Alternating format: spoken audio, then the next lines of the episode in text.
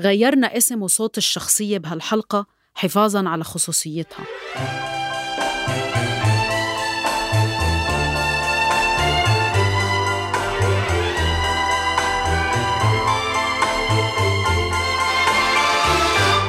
Il faut savoir.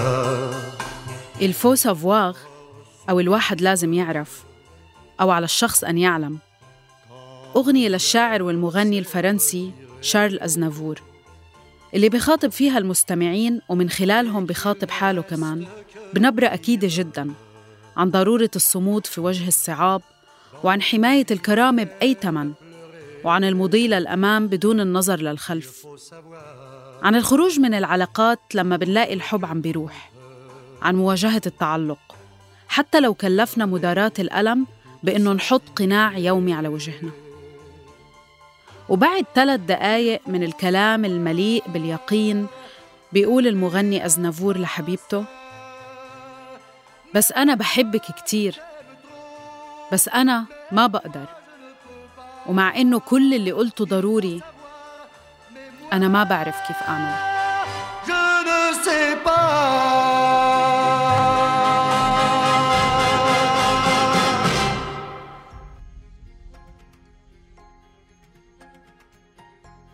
مرحبا.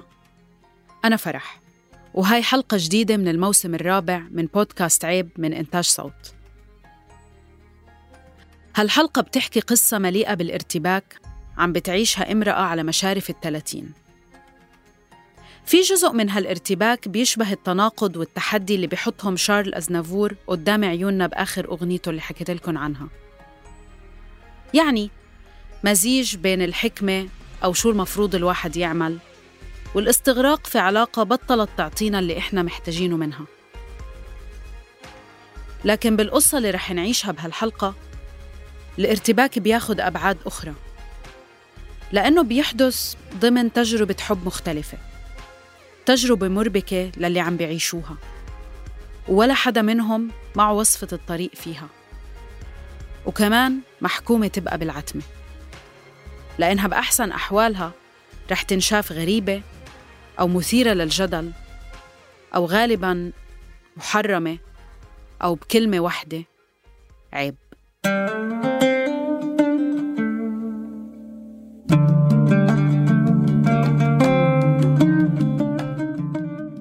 صفاء شابة تونسية بأواخر العشرينات.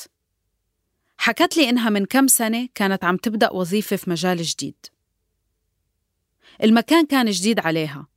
وكمان الأشخاص. وفي غمرة فترة الاستكشاف هاي بدأت قصتها. حاجات اللي جلبتني في العالم هذاك شخص معين. الشخص هذاك ما نعرفش علاش وكيفاش اهتميت بيه. علاش موجود فاش يعمل آه، فاش يخدم. نا يمكن الغموض اللي كان داير بيه خلاني نبحث خلاني ندخل لبروفيله في الفيسبوك. خلاني نلوج في تصاوره وخلاني نتفرج. هون استوقفت صفاء شوي قبل ما تكمل. قدرت إنها ممكن تكون مرتبكة بأول الحكي بس الشخص اللي عم تحكي عنه بصيغة المذكر كانت صبية وحدة ست أو زي ما بيقولوا عن البنت في تونس طفلة أو بنية. كوني حبيبتي اللي طلعتها اللي بتبسم لضحكتها. صديقتي عسيرتها تتبلع عيوني وبتسكرني بالأول كانت صفاء والبنت اللي أثارت فضولها بيتبادلوا الأحاديث العابرة. بس تدريجياً تقربوا من بعض. وصاروا يحكوا عن تفاصيل حياتهم عائلاتهم هواياتهم وقصصهم العاطفية. ومع مرور الأيام لقت صفاء حالها عم بتغوص أكتر وأكتر بحياة البنت وعم تتورط عاطفياً بدون تفكير. كانت لأول مرة بحياتها بتحس بشيء تجاه امرأة شيء ما كانت عملت له حساب بالمرة. من وقتها عاطفة تولدت تولدت في تجاهها كبرت نهار بعد نهار. نهار بعد نهار نهار بعد نهار. شعور بالمسؤولية بال برشا حاجات كنت نحس فيها ضايعة. ديما ديجا تقول لي آه، عندي أسئلة وجودية. كنا ديما نقعد نحكي على الأسئلة الوجودية اللي يجيو في مخها هي كيفاش آه، تحب تخرج تكري كيفاش باش تعمل. وكنا نحكيو في برشا حاجات في علاقاتنا علاقتي أنا مع الأولاد علاقتها هي مع الأولاد. بعدها بفترة شاءت الصدف إنه صديقتها الجديدة تنتقل لنفس الحي اللي هي ساكنة فيه. وبوقتها الرابط اللي بيجمعهم كبر كتير. كانوا بيروحوا على الشغل سوا وبيرجعوا سوا وبيقضوا تقريبا كل وقتهم سوا. وبيوم كانوا عم يحكوا مع صديقة تالتة وبنص الحكي حكت لهم هالصديقة إنها بتفضل العلاقات العاطفية مع النساء على العلاقات مع الرجال. بس للصدفة الغريبة من قبل هاي القعدة كانت صفاء حاسة بطاقة غريبة من طرف صديقتها الجديدة. صارت كأني تلميحات. أنا كنت نتسائل في مخي شنو ما شنو تقصد بيهم. هل تقصد بيهم هكا؟ هل هي هكا؟ بعد القعدة مع صديقتنا اللي هي في نهار كنا خارجين باش نعملوا دورة في الليل. كانوا طالعين مشوار بالسيارة. بعد تعدينا لداري. قعدنا في داري. رجعوا على بيت صفاء. وكملوا السهرة والأحاديث. ويومها صارت أول علاقة حميمية بينهم. ما حكيناش فيه الموضوع ما ما تناقشناش فيه. اللي كان مخوفني إنه يمكن يفسد علاقتنا لا ما فسدش. تعاودت التجربة هذيك مرتين تعاودت. من بعد حكينا فيه قلنا إحنا فيش قاعدين نعملوا لازم توقف الحكاية و- ولازمنا نحافظوا على صداقتنا.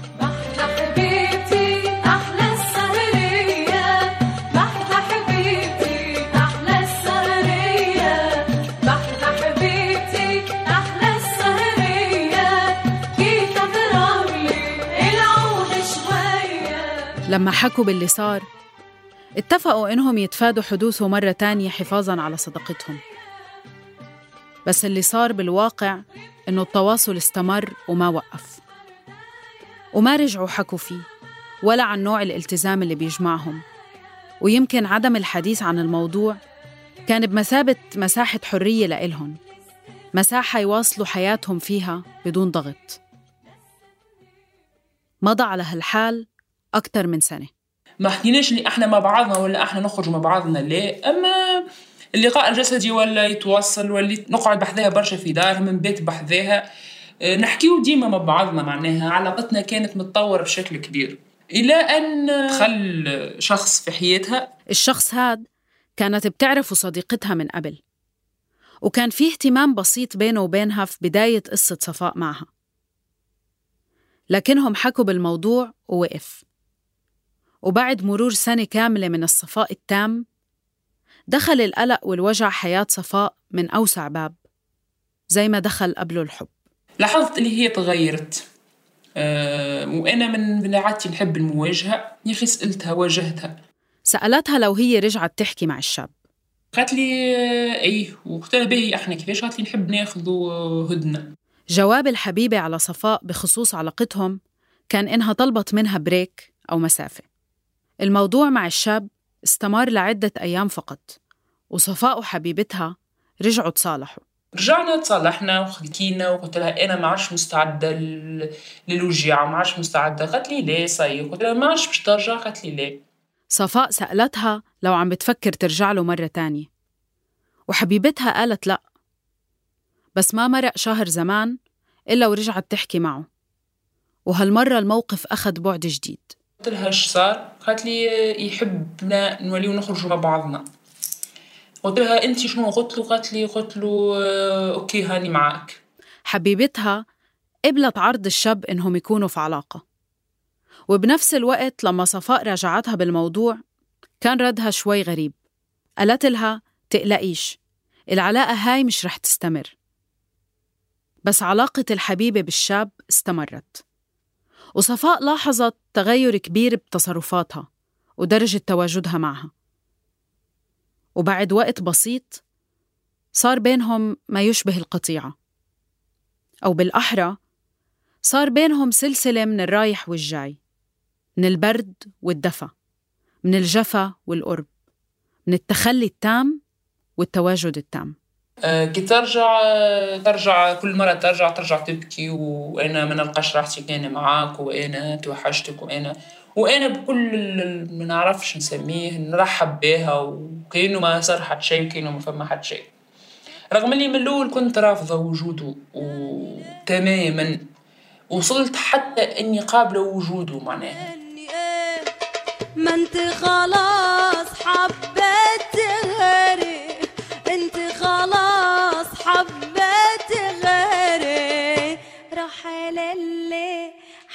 حبتيه يلا روحي روحي للي حبتيه صفاء ما قالت لحبيبتها روحي للي حبيتي؟ الوضع استمر على هالمنوال لشهور طويلة. وحبيبتها رايحة جاي مثل الشبح. شهور بتشبه الموت البطيء اللي بتتخلله جرعات مكثفة من الحياة. ضعفت. أنا شخص ما كنتش نتصور روحي إني أنا باش نضعف للدرجه هذيك. شخص ما يحبش آه، يوري دموعه وما يوريش دموعه في أقصى حالات الضعف. وليت نبكي بكيت قدامها بكيت على خاطرها برشا برشا. شفت طبيب نفساني وليت آه، ناخذ فيه دواء.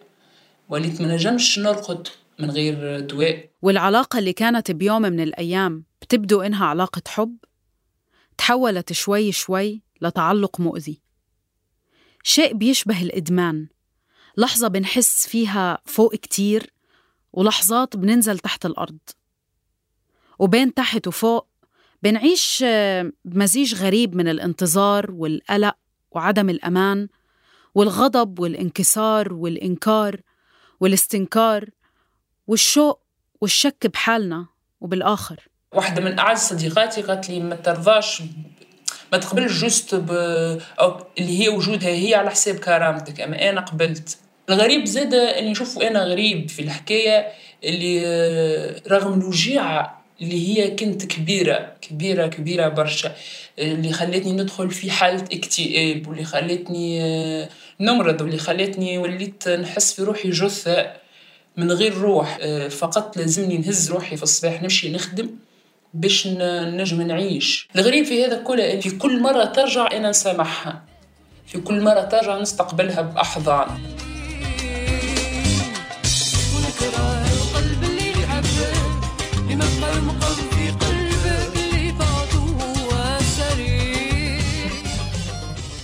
مؤخرا كنت عم بقرأ كتاب كل شيء عن الحب للكاتبة والمفكرة النسوية بيل هوكس.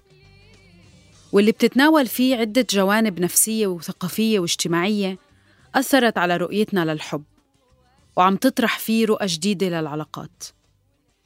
واحدة من أهم الأفكار بالكتاب هي عن ارتباك مفهوم الحب عند الناس وكيف تشربنا من كل المنتوجات الثقافية والاجتماعية حولنا إنه الحب والإساءة الحب والعنف الحب والإهمال ممكن عادي يجتمعوا.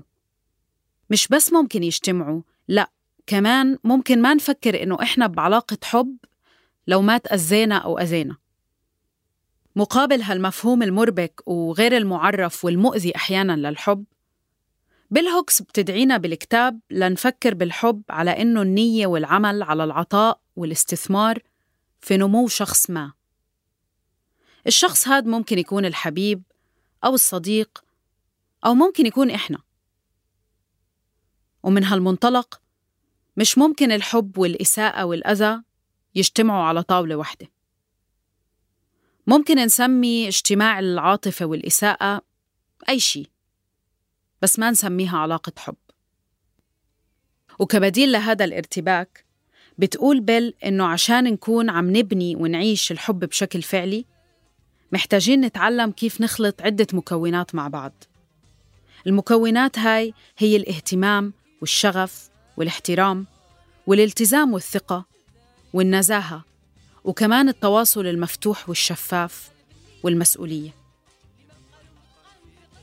هاي المكونات محتاجين نستثمرها مش بس في العلاقة مع الآخر بس الأهم كمان محتاجين نستثمرها في حالنا.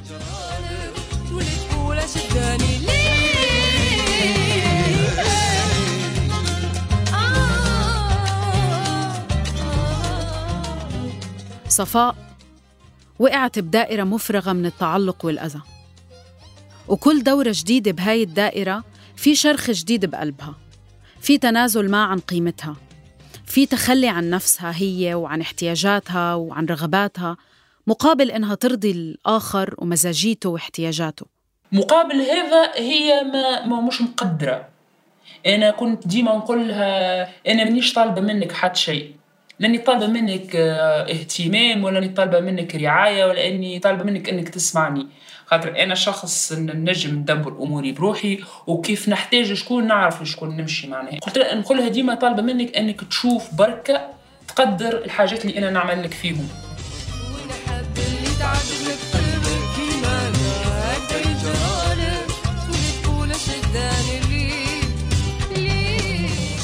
ومع هذا التنازل والتخلي كان عم ينمو إحساس موازي للحب إحساس غيظ شبيه بالكره.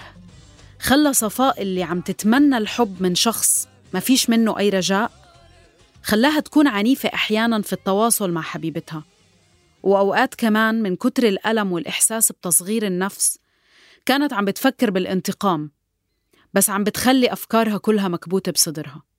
ساعات تقول لي ردود فعلك تكون عنيفة جدا كي كي نتخالفوا ولا كي نتعاركوا خاطر juste خاطر هي ما تقدرش معناها الحب اللي أنا عطيته لها. الغريب في هذا كله اللي كل مرة نح- نحب ننتقم منها نحب نوجعها ما نجمش ما ما, ما فهمتش معناها علاش. صفاء بتضلها تردد كلمة الغريب. الغريب الغريب.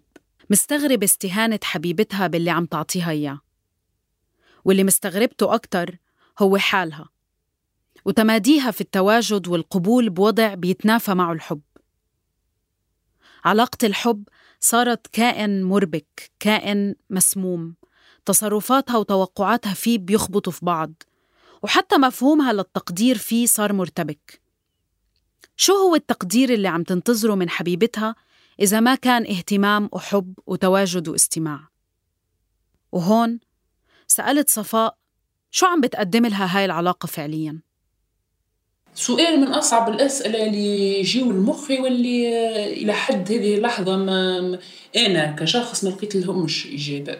آه، سألته لها هي على فكرة. قالت لي يمكن حاجة ما يعرفوهاش العباد اللي ما يحسوهاش اللي هو الأمان.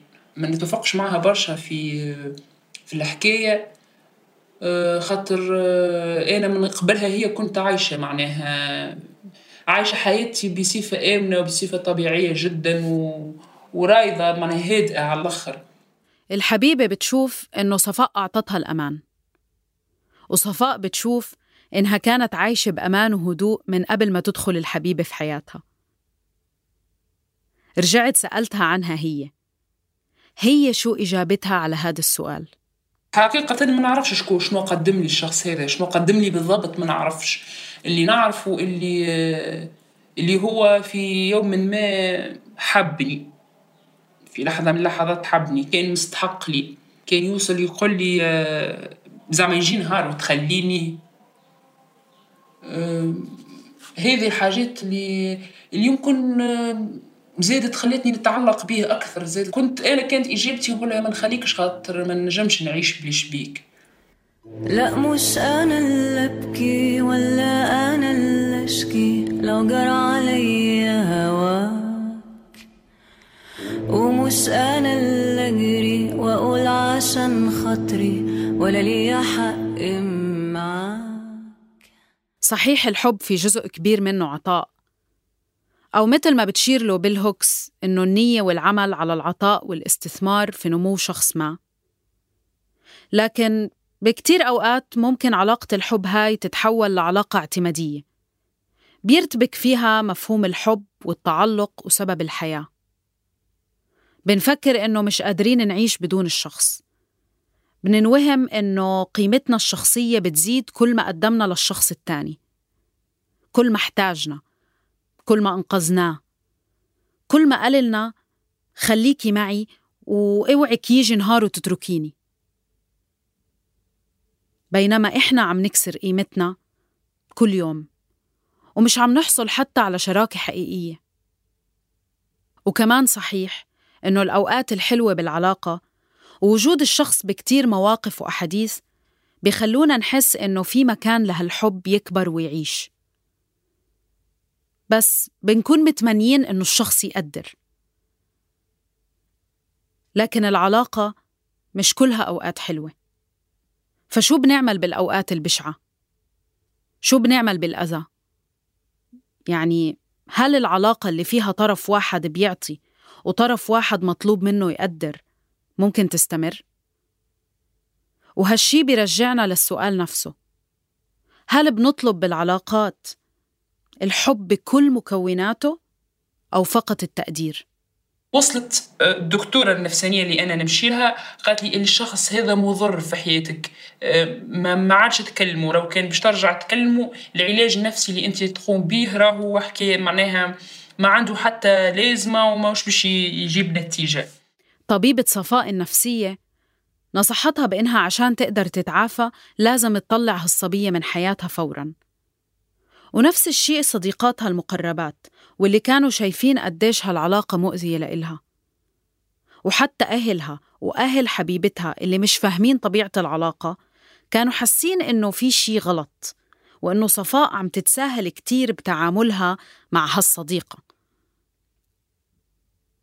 وعلى أهمية النصائح والدعم لكن الشخص الوحيد القادر إنه ياخد خطوات لفك الارتباك والإجابة على التساؤلات فعلاً هو صفاء بس كيف؟ هل بتكمل بطريق المراوغة والانتظار والتعلق لحد ما تنجح في إقناع حبيبتها بقيمة هذا الحب؟ ولا توصل للحظة يأس أو لحظة انفجار؟ ولا هي محتاجة هدنة؟ يمكن محتاجة مساحة تفهم فيها شو بدها بالضبط من العلاقة حتى ولو كان إنها تستمر في الوضع كما هو عليه بس يكون على الأقل قرارها ومش مفروض عليها. بس الهدنة إجت لعند صفاء بشكل تاني. بعد شهور طويلة من التلويع وقبل ما ألتقيها وأسمع قصتها بأسبوع واحد حبيبتها طلبت تشوفها وصفاء طبعا راحت تشوفها بس لقتها بحالة سيئة. جتها موجة متاع بكاء يعني تفجرت بالبكاء. وكسألتها شبيك قالت لي قلت لها تعاركت أنت وياه. قالت لي لا. قلت لها معناها سبك قال لك شتمك قال لك كلام خايب. قالت لي ما أتعس. قلت لها شنو اللي صار؟ ما أتعس. قالت لي يحب يخطبني. قلت لها وأنت علاش علاش تبكي؟ مش هذا اللي كنت تحب عليه. قالت لي لا مش هذا اللي نحب عليه و... ونحس في روحي وأنت شنو عملت فيك ومانيش مستعدة. صاحب الحبيبة عرض عليها الخطبة والحبيبة ارتبكت. مش متأكدة إذا بدها إياه ومش متأكدة شو الوضع مع صفاء.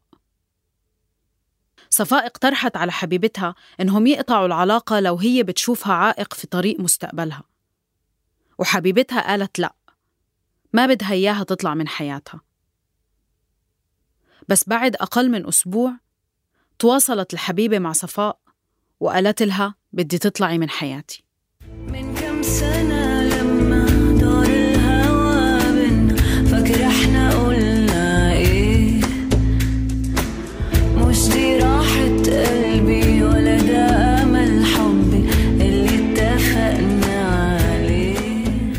صفاء مرتبكة. رغم كل شي لسه في عندها أمل إنه حبيبتها ترجع في حياتها. وحبيبتها كمان مرتبكة. مش عارفة شو تعمل وشو تختار بالضبط. بس مورطة صفاء معها بكل خطوة. لكن بالحقيقة وعلى طول علاقتهم صفاء وحبيبتها ما اتفقوا على شي واضح. هذا الترنح والارتباك يمكن بنشوفه بعلاقات بنعيشها أو بنسمع عنها. شخصين بيقضوا وقت مشترك بدون تعريفات وبدون توقعات كبيرة وبدون التزام. ببعض الأحيان بينجحوا بالفعل يصنعوا مساحة حرة بيناتهم. بس بكتير أوقات التوقعات بتزيد والتعلق بيزيد وفي طرف بينتبه وبيخاف يحكي. وفي طرف بينتبه وبيطنش يحكي بالموضوع. ولو ما في تواصل مفتوح وإعادة تصور للرابط اللي بيحكم هاي العلاقة الأشخاص بيلاقوا حالهم فجأة مش على نفس الصفحة وأحياناً مش بنفس الكتاب أصلاً. لكن في حالة صفاء وحبيبتها في ارتباك تاني ارتباك قاعد بالزاوية أو يمكن ارتباك قد فيل كبير معبي المساحة اللي بيناتهم.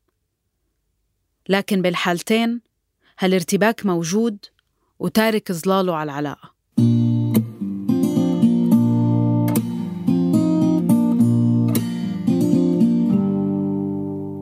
أنا نعتبره حب وأكثر من حب معناها الأحاسيس اللي. اللي حاسيتهم ونحس فيهم. أما راهو أكبر برشا من إنه من إني علاقة علاقة جسدية والا علاقة حب وانتهت. راهي هو الشخص هذاك أنا خذيته كباكيج كامل. هذاك اللي عمق يعني في ال- في الألم وفي الوجيعة نتاع نتاع ردة فعلها هي والفراق اللي صار ما بيناتنا يا بنت حكيك خطير خلي سرك بالبير بلاش حدا يسمعنا. تعرفي شو ممكن يصير بطل واضح كتير. مين ضدنا ومين معنا؟ قبل لقائهم. كانت علاقات صفاء وحبيبتها العاطفية بتصير مع رجال. وكان عندهم تصورات نمطية عن حياتهم. الصبيتين بنات بيئة محافظة. وأهلهم مالين حياتهم توقعات بالارتباط والزواج والخلفة. وهاي التوقعات كمان كانت عندهم هم من حالهم. وفجأة فجأة انخلقت بينهم هاي العلاقة. علاقة عاصفة مليانة حب. مليانة تعلق وتلويع بس بنفس الوقت عم بتهز تاريخهم الشخصي وعم بتسائل هويتهم اللي كانوا مفكرين إنهم متأكدات منها أو يمكن كانوا عايشات معها بدون ما يفكروا أصلاً علاقة مش بس بتسائل تصوراتهم عن نفسهم بس كمان عن مستقبلهم شو رح يعملوا؟ اللي يخلي العلاقة ما بيناتنا مش كيما أي علاقة ما بين اثنين بنات حبوا بعض ولا اثنين أولاد حبوا بعض اللي أنا في تفكيري على المدى المحدود القلب متاعي يقول آه، اللي أنا مستعدة أني نقعد مع في علاقة معاها رغم كل شيء.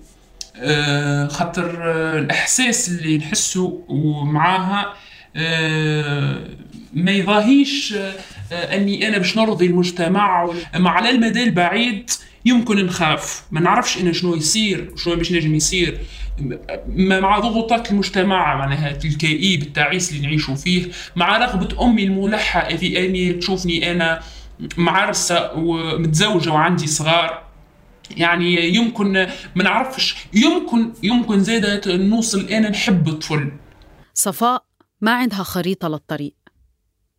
عندها مشاعر قوية. بتعرف إنها بدها تكون سعيدة. وبتعرف إنه بالوقت الحالي بدها هاي العلاقة. بس التفكير في أي وقت أبعد من هاللحظة مربك. بدها بدها تعيش السعادة وبدها بنفس الوقت تعيش بسلام في مجتمعها. بدها يكون عندها الخيار إنها تكمل بهالعلاقة وبهذا النوع من الحب أو إنها بيوم يمكن تحب شخص آخر. يمكن ترجع تحب شاب أو طفل مثل ما قالتها بالتونسي.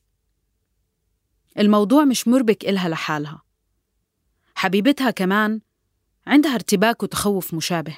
في مرة من المرات يعني نحكيه بالمساجات قالت لي أنا نعتبر اللي الأمر غير طبيعي نعتبرها قوة خارقة يعني الأحاسيس اللي تحسهم هي تجاهي. قالت لي ال- ال- الشيء الفعل اني أنا ك- كي نبعد عليك نولي كئيبة أما قالت لي المجتمع كيفاش؟ وين باش نوصلوا آه، وين باش نوصلوا يعني آه، مع بعضنا؟ قالت لي في الآخر أنا نحب نكون عائلة ونجيب صغار كيما كيما الناس الكل. هذه هي العوائق معناها اللي ما تخليش علاقتنا يمكن تتواصل ولا تخليها تخليها مستحيلة يعني. حاسة حالي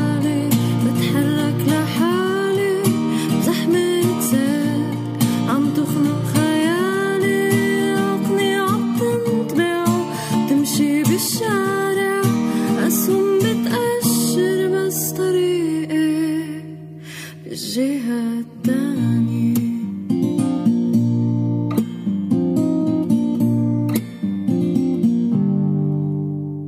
صفاء وحبيبتها وإحنا عايشين في مجتمع مش كتير بيمنحنا خيارات في الحب. وفي مين بنقدر نحب؟ ومع مين بنقدر نخلق حياة مشتركة؟ ولما وحدة بتختبر تجربة حب مع امرأة أخرى بتلاقي حالها بإطار مش كتير مفهوم. أو ممكن بتلاقي حالها بمساحة حركة ضيقة ووحدة أفكار لأنه الخيارات الأوضح دائما هي اللي بتطغى.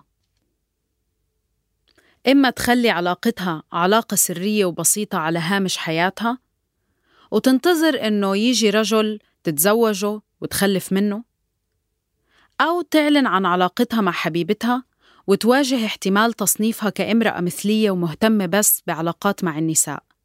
حتى لو ما كانت جاهزة أو ما بدها تحط حالها أصلاً بهيك تصنيف. وبهاللحظة من حياة صفاء هي لا لاقية حالها هون ولا هناك. ما بتعرف عن حالها كمثلية. بتنجذب لرجال أحياناً وبتحب امرأة حالياً. وبتستبعد إنها تخوض تجربة مماثلة لأنها ما بتحس بانجذاب لنساء أخريات. سألت صفاء ليش هالقد لسه متمسكة بالعلاقة؟ وشو كان تخيلها لاحتمالية الاستمرار؟ أنا في رواية من الروايات قريت اللي شخص آه، يعني امرأة سوية وعندها حياتها وعائلتها وكله واعجبت ب- بجارتها وعاشت معها قصة يعني قلت لها رأيت نجم تكون إحنا علاقتنا هكا يعني وتعلقنا ببعضنا نجم بعد عشر سنين تكون آه، نكون أنا وياك يعني أنت معرسة وأنا معرسة وبصغارنا ونلتقي ونلقاو رواحنا راحتنا كان مع بعضنا يعني. بالنسبة لصفاء لو كانت هي وحبيبتها ببلد أجنبي ما كان حيكون عندها مشكلة تكون العلاقة علنية. لكن مطرح ما هي عايشة حالياً ومطرح ما أفكارها كمان موجودة بتشوف إنه المتاح والمناسب هو إنه علاقتهم تضل بالعتمة تضل بالسر. وإنه حتى لو وصل الأمر وحبوا يرتبطوا أو اضطروا يرتبطوا بأشخاص آخرين عشان يرضوا المجتمع ويخلفوا الأولاد اللي نفسهم يخلفوهم باستطاعتهم يواصلوا علاقتهم بالسر مثل الرواية. حبيبتي البشتاق لطلتها بتضلك حبيبتي للمستها بتضلك حبيبتي. صفاء مش معنية إنها تعرف هوية جديدة لنفسها. مش هذا هو الشيء اللي بيشغلها. الشيء اللي بيشغلها هو الحب. هو إنها انغرمت بشخص وهذا الشخص مش رجل زي كل المرات السابقة. هاي المرة انغرمت بامرأة وهاي الامرأة عم بتلوعها وعم بتحطها على جنب وعلى الهامش. وهي كل اللي بدها إياه إنها تنبسط بهذا الحب. تنبسط بهذا الحب سواء بالضوء أو بالعتمة بس المهم بالأول إنه حبيبتها تكون فعلا بدها تعيشوا معها أو مستعدة تعيشوا معها. وهالموضوع لحد هاللحظة مش واضح هالقد مش محكي عنه هالقد ومش مبين منه شي.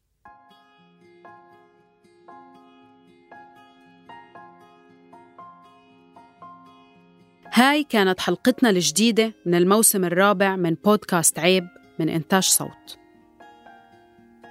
القصة ما وصلت لنقطة نهاية أو تجاوز أو استنتاجات وتأملات عن بعد لأنه صفاء لسه غايصة فيها لسه عم تستنى. في مجموعة ارتباكات وبس في مشكلة تواصل في وحدة في مساحة ضيقة وفي أسئلة مطروحة عن النفس وعن العلاقة.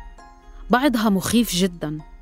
وصاحبة هاي الأسئلة إما رح تطنشها أو تأجلها أو تواجهها وتعافر معها لحد ما تلاقي لها إجابة مريحة. تفاهم سعيد.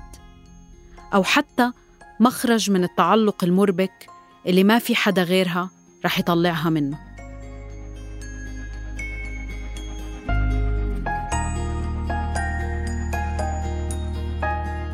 غيرنا اسم وصوت الشخصية بهالحلقة حفاظاً على خصوصيتها. إذا بتحبوا تعرفوا أكثر عن الأغاني والموسيقى اللي طلعت معنا بالحلقة بتلاقوا معلوماتها بالوصف المرافق.